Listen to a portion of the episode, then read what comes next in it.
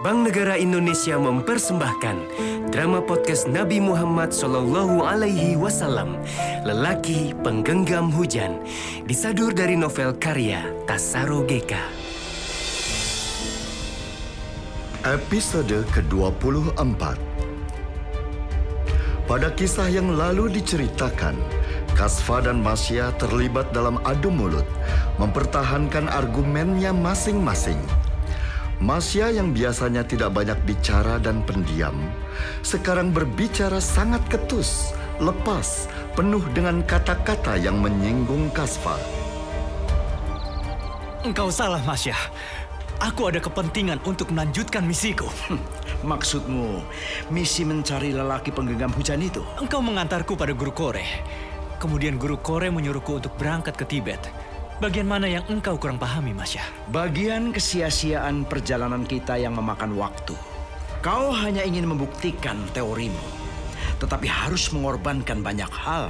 Terangkan maksudmu, Masya. Berkeliling dunia, mempelajari berbagai kepercayaan untuk kemudian pelurusan agama Zardus. Itu omong kosong yang tidak pernah kudengar. Engkau sendiri yang mengantarku ke perbatasan, Masya. Satu-satunya alasanku untuk membuatmu meninggalkan Gatas. Itu dia, meninggalkan Gatas. Kalian mengatakan bahwa akulah benteng terakhir yang bisa menyelamatkan ajaran Zardus yang lurus. Itulah mengapa aku harus selamat dari Gatas. Jadi kalianlah yang memaksaku untuk menempuh semua perjalanan ini. Engkau sebenarnya lebih tertarik terhadap kemunculan lelaki dari Arab yang mengaku nabi itu. Bukankah itu alasan yang membuatmu terus berkomunikasi dengan El? Atau siapa pun sahabat penamu itu? Yang sering kau sebut-sebut berada di biara Basrah, Syria. Kau membelokkan pembicaraan, Masya. Sama sekali tidak. Aku mulai berpikir engkau berusaha menghindar dari ketertarikanmu terhadap agama baru dari padang pasir itu. Khawatir ramalan Jardus benar-benar terpenuhi oleh lelaki Arab yang sering kau sebut lelaki penggenggam hujan itu. Perkiraanmu tentang diriku salah, Masya. Tidak, aku tidak salah. Kau mencari rujukan dari berbagai ajaran agama untuk menipu diri sendiri. Yim hanya ingin engkau meluruskan ajaran Jardus. Cukup sampai di situ. Jadi untuk apa semua perjalanan ini? Aku mencari lelaki penggenggam hujan. Dia bisa saja memang lelaki Arab yang mengaku nabi itu. Namun bisa jadi orang lain. Dan kedatanganku ke Tibet ini, aku hendak menemui Biksu Tashidelek. Aku ingin menanyai banyak hal mengenai ramalan datangnya nabi baru itu. Sebab pengetahuan tentang ketuhanan dan kenabian Biksu Tashidelek sangat menguasai. Jauh di atas yang kita pahami. Kasfa dan Masya terdiam. Masing-masing mulai merasakan bahwa pertengkaran tadi banyak membuang tenaga dan pikiran. Tiba-tiba Biksu Gyatso yang tadinya hanya diam saja menghampiri mereka berdua dan mulai bicara. Uh, Tuan Kasfa, pendengaranku yang buruk atau memang Anda tadi menyebut nama seorang biksu yang bernama Tasidelek? Anda tidak salah dengar. Biksu Tasidelek adalah sahabat penaku. Dia seorang lama di biara gunung Anyemaken. Perjalanan kami akan menuju ke sana. Tasidelek. Kenapa? Ada yang aneh dengan nama itu, Biksu Gyatso? Ah, entahlah. Mungkin aku salah.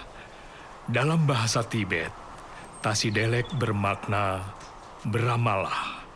Itu kata-kata yang biasa diucapkan seorang lama untuk meminta derma dari orang-orang.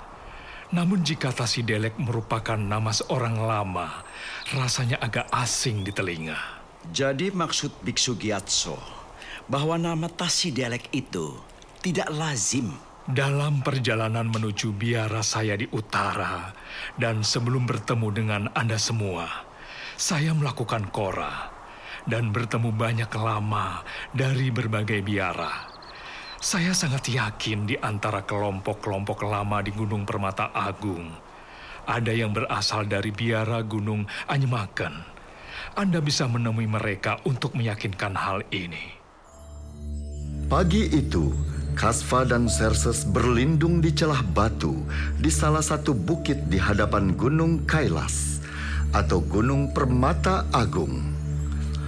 Masya dan Faksur sejak tadi meninggalkan mereka untuk mencari para peziarah dari biara Gunung Anyimaken.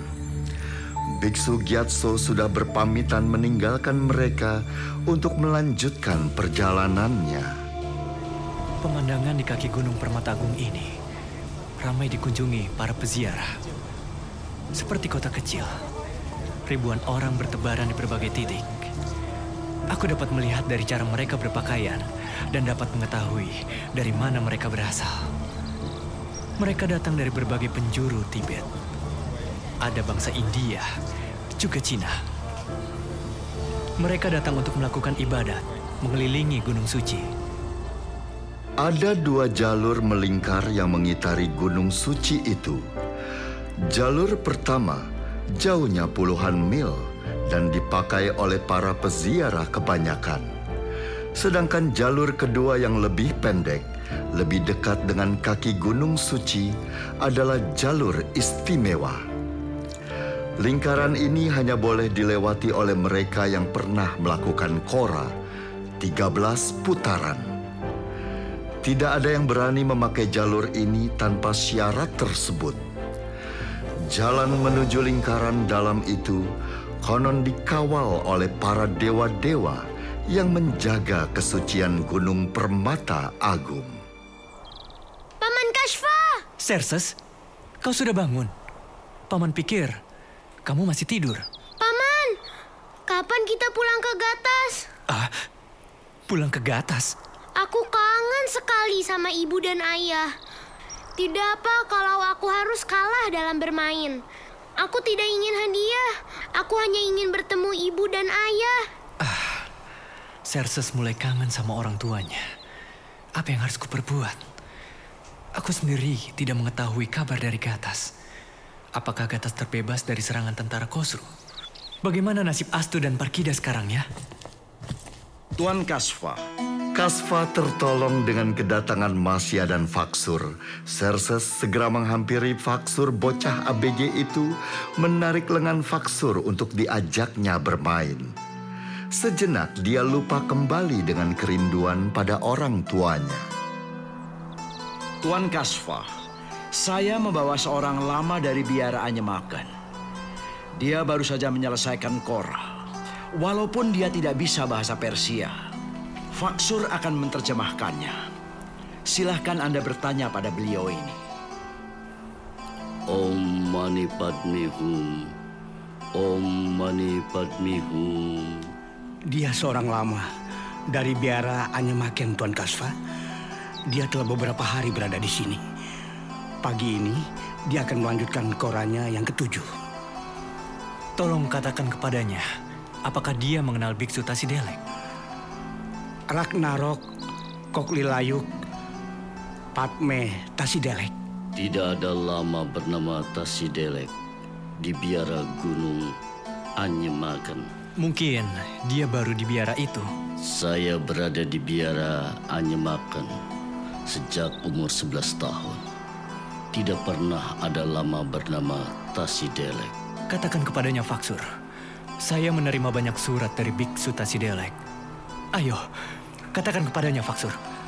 Ratsu Tasidelek, Kromaki, Sakratale Mitrayar, Kanbu Mitrandir. Om Mani Padme Hum. Sesungguhnya para lama yang tinggal di biara Anyemaken tidak diperbolehkan berkirim surat dengan pihak luar sejak berdirinya biara Anyemaken ratusan tahun yang lalu. Om Mani Padme Hum. Sesungguhnya para lama yang tinggal di biara Anyemaken tidak diperbolehkan berkirim surat dengan pihak luar sejak berdirinya biara Anyemaken ratusan tahun yang lalu. Kasva terdiam. Lidahnya rasanya terpotong. Lama itu, berbicara kepada Faksur dan anak itu mengangguk sembari membungkuk, mengucapkan terima kasih. Masya segera merogoh sesuatu dari kantung bajunya. Sekeping uang perak wakil perasaan terima kasih diberikan sebagai derma. Sang lama menerimanya, lalu dia berpamitan karena harus segera bergabung dengan rombongannya yang hendak melakukan ibadah Kora. Aneh, benar-benar aneh. Seorang lama dari biara Gunung Anyemaken mengaku tidak mengenal Biksu Tasidelek. Bahkan biara itu melarang anggotanya berkirim surat dengan pihak luar. Lalu siapa Biksu Tasidelek itu? Faksur, apa kau yakin dia lama dari biara Gunung Anyemaken? Iya, Tuan Kasva. Dia datang satu rombongan dari biara itu. Kita bisa tanya satu persatu jika kau anggap sangat perlu. Untuk apa dia berbohong? Kecuali engkau yang mempersiapkan ini semua, Masya. Tuan Kasva, sebaiknya kita kembali ke Persia. Atau kau ku antar ke Yastrib. Kita temui saja laki-laki yang mengaku nabi itu. Konfirmasimu akan lebih tajam jika engkau menemuinya. Untuk apa? Kalau aku perhatikan, di setiap ajaran yang berbicara mengenai manusia yang dijanjikan, engkau hanya akan bertemu dengan teks-teks kuno yang mati. Hanya ada terjemahannya saja. Sedangkan jika kau ingin menemui lelaki Arab itu, engkau akan menemukan pembuktian yang nyata. Bagaimana dengan ajaran Zardus? Bertanya-tanya dan mencari-cari tentang ajaran Zardus tidak akan mengubah apa pun. Sebenarnya, ini hanya persoalan bagaimana membuat jiwamu bebas, Tuan Kasva.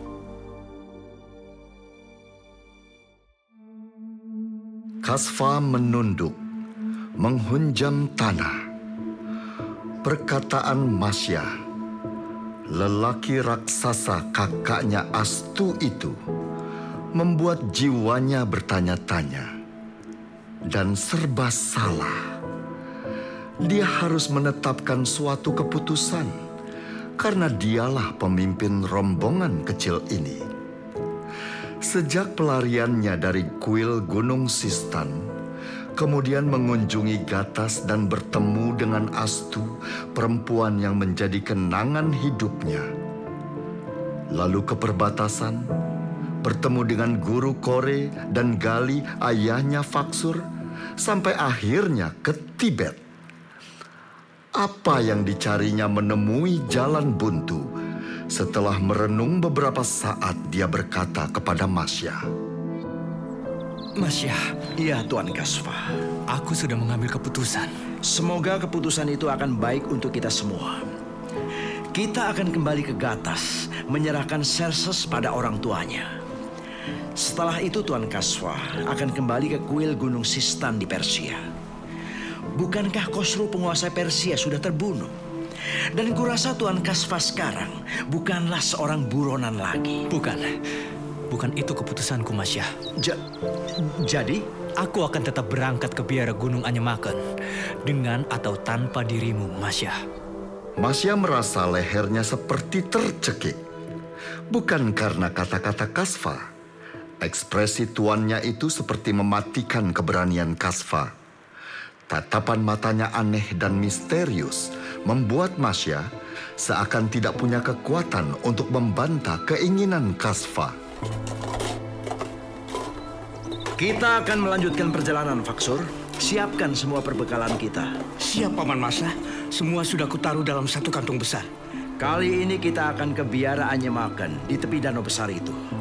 Apa pun perintah Tuan Kaswa akan kulaksanakan. Itu telah menjadi wasiat ayah untukku. Kau memang anak yang berbakti, Faksur. Ayo kita berangkat. Biarkan Serses aku yang menggendong.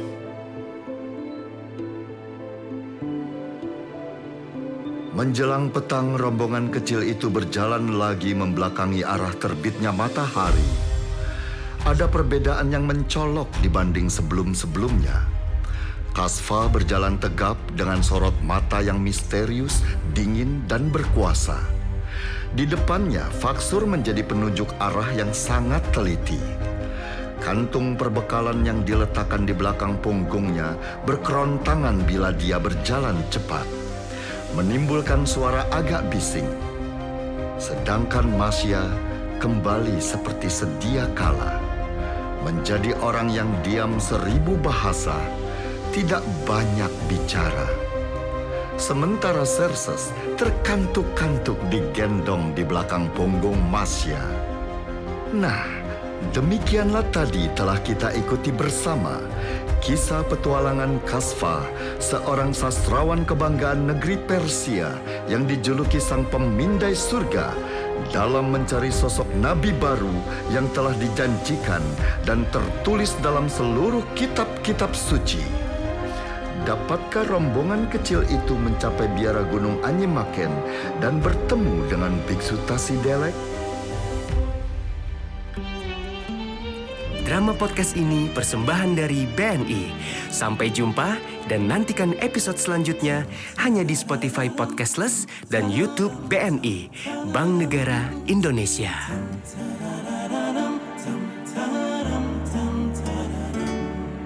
Gelisahmu hanyutkan mentari hatiku saat aku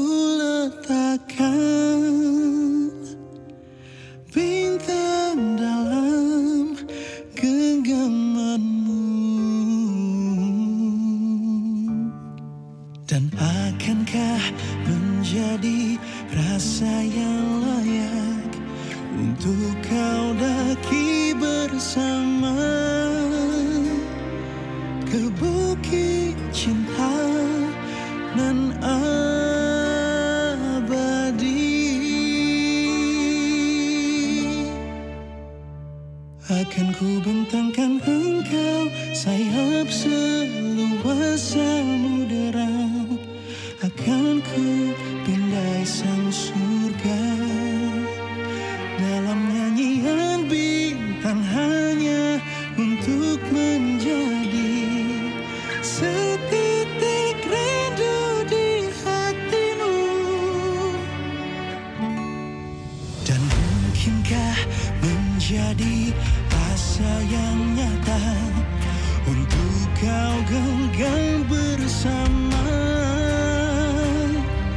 ke dalam